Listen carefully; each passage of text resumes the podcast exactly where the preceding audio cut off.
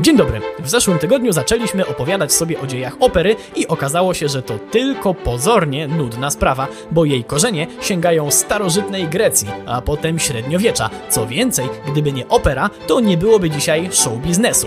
Dziś wracamy do tematu, zaczynając od epoki romantyzmu, bo wciąż mamy mnóstwo do odkrycia. Przy mikrofonie Wojtek Drewniak zapraszam na kolejny odcinek programu w Drewniakach przez muzykę.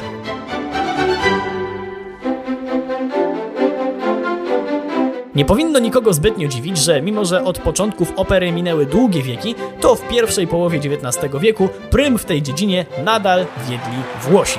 Wielką gwiazdą był pan Rossini, autor Cyrulika Sewilskiego czy Wilhelma Tella. Generalnie jednak romantycy stawiali na coraz mocniejsze uczłowieczanie tekstu oper, czyli libretta, żeby publiczność się z tym jakoś mogła identyfikować. Podejmowano więc tematy historyczne, narodowe albo nawiązywano do starych wierzeń, jednak zwolna zbliżał się czas, kiedy największe piętno na operze zaczęli odciskać kompozytorzy niemieccy.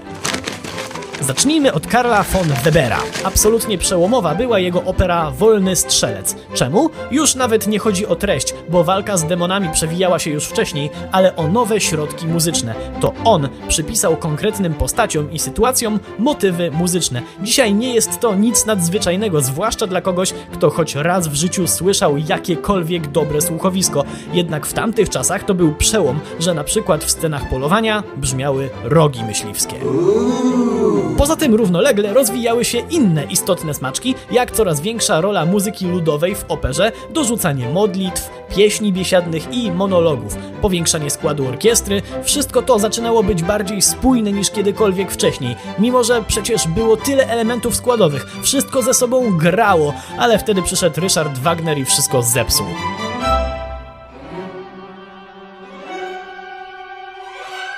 Albo jak kto woli, zrewolucjonizował.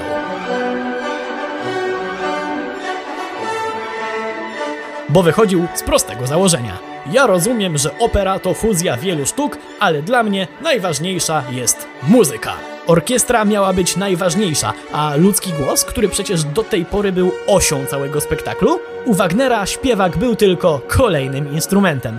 Jego utwory były majestatyczne. To wszystko, jak na tamte czasy, brzmiało jak heavy metalowe kompozycje i zdobył swoim przełomowym stylem masę fanów, w tym króla Ludwika II, który wybudował Wagnerowi własny teatr. Niestety jakiś czas później jego fanem został Adolf Hitler, który znajdował w majestatycznych kompozycjach odbicie swojej wymarzonej III Rzeszy. I przez fakt, że ten wąsaty knypek uwielbiał Wagnera, ten wielki kompozytor do dziś jest nie przez wszystkich tak lubiany, jak na to bezdyskusyjnie zasłużył. To trochę jak pewien bawarski producent samochodów jest dziś oceniany przez pryzmat części jego klientów odzianych w ortalionowe ciuchy.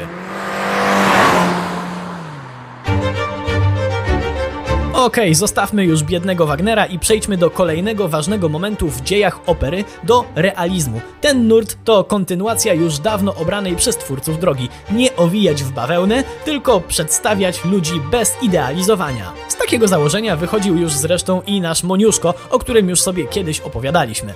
Końcu możemy mówić o weryzmie, całym stylu, który wręcz polegał na tym, żeby nie nawiązywać do szlachetnych, antycznych korzeni opery, o których jednak mimo wszystko warto pamiętać, bo ten gatunek, choć może nie każdemu odpowiadający, jest chyba jak na razie optymalny. To znaczy, gdyby na Ziemię przylecieli obcy i powiedzieli: Pokażcie nam wszystkie wasze sztuki naraz, to wybór byłby prosty. Tylko opera łączy literaturę, muzykę, plastykę i taniec. Choćby z tego względu warto ją szanować. Przy mikrofonie był Wojtek Drewniak. Do usłyszenia.